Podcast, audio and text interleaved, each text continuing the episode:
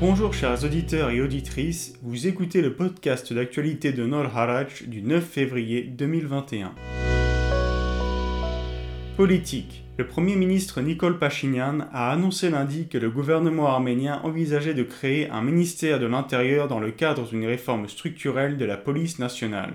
L'Arménie disposait d'un ministère de l'Intérieur jusqu'à ce que l'ancien président Robert Kocharian l'abolisse et transforme la police en une structure distincte subordonnée à la présidence. La police est ensuite devenue responsable devant le Premier ministre après que le successeur de Kocharian, Serge Sarkissian, ait organisé la transition du pays vers un système de gouvernement parlementaire.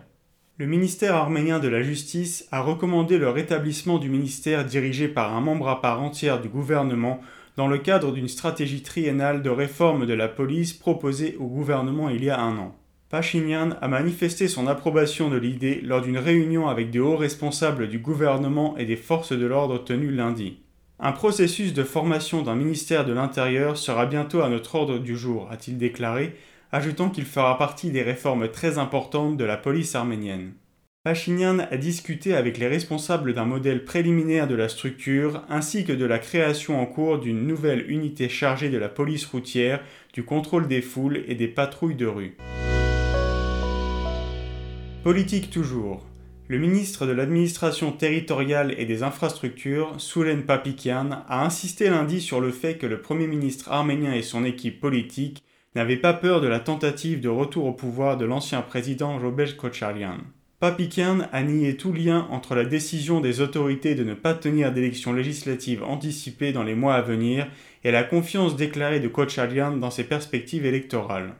Kocharian a déclaré à la fin du mois dernier que lui et ses alliés politiques se présenteraient et gagneraient les élections législatives anticipées si elles étaient tenues par les autorités actuelles.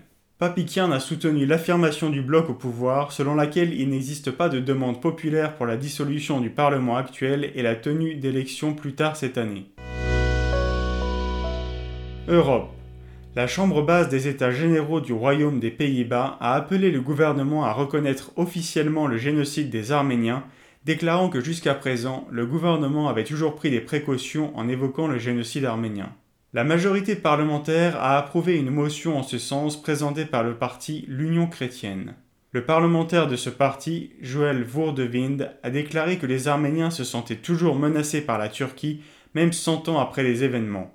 Une majorité de députés du Parlement a convenu que la reconnaissance du génocide pourrait aider à promouvoir la réconciliation entre les deux pays et prévenir un autre génocide. La motion sera mise au vote à la Chambre des représentants mardi après-midi. Technologie. Lors d'une conférence de presse, le ministre de l'Industrie des Hautes Technologies, Hagop Arshakian, a déclaré que malgré la pandémie de Covid et la guerre au Haut-Karabakh, le chiffre d'affaires de l'industrie arménienne de la haute technologie avait augmenté de 20,6% en 2020. Il a indiqué que le chiffre d'affaires des entreprises s'était élevé à environ 198 milliards de drams et que les impôts payés par les entreprises de haute technologie en 2020 avaient augmenté de 14%, dépassant 41 milliards de drams. Le nombre d'employés travaillant dans le secteur a augmenté, selon lui, de 22% pour atteindre 18 747 personnes. 1228 entreprises actives opèrent dans le secteur de la haute technologie et 192 nouvelles ont reçu des certifications en 2020 et bénéficieront des privilèges fiscaux définis par la politique et les lois du ministère. Au sujet des startups qui exploitent des centres de recherche scientifique en Arménie, il a déclaré que ces entreprises ont attiré près de 50 millions de dollars d'investissement en 2020, principalement de l'étranger.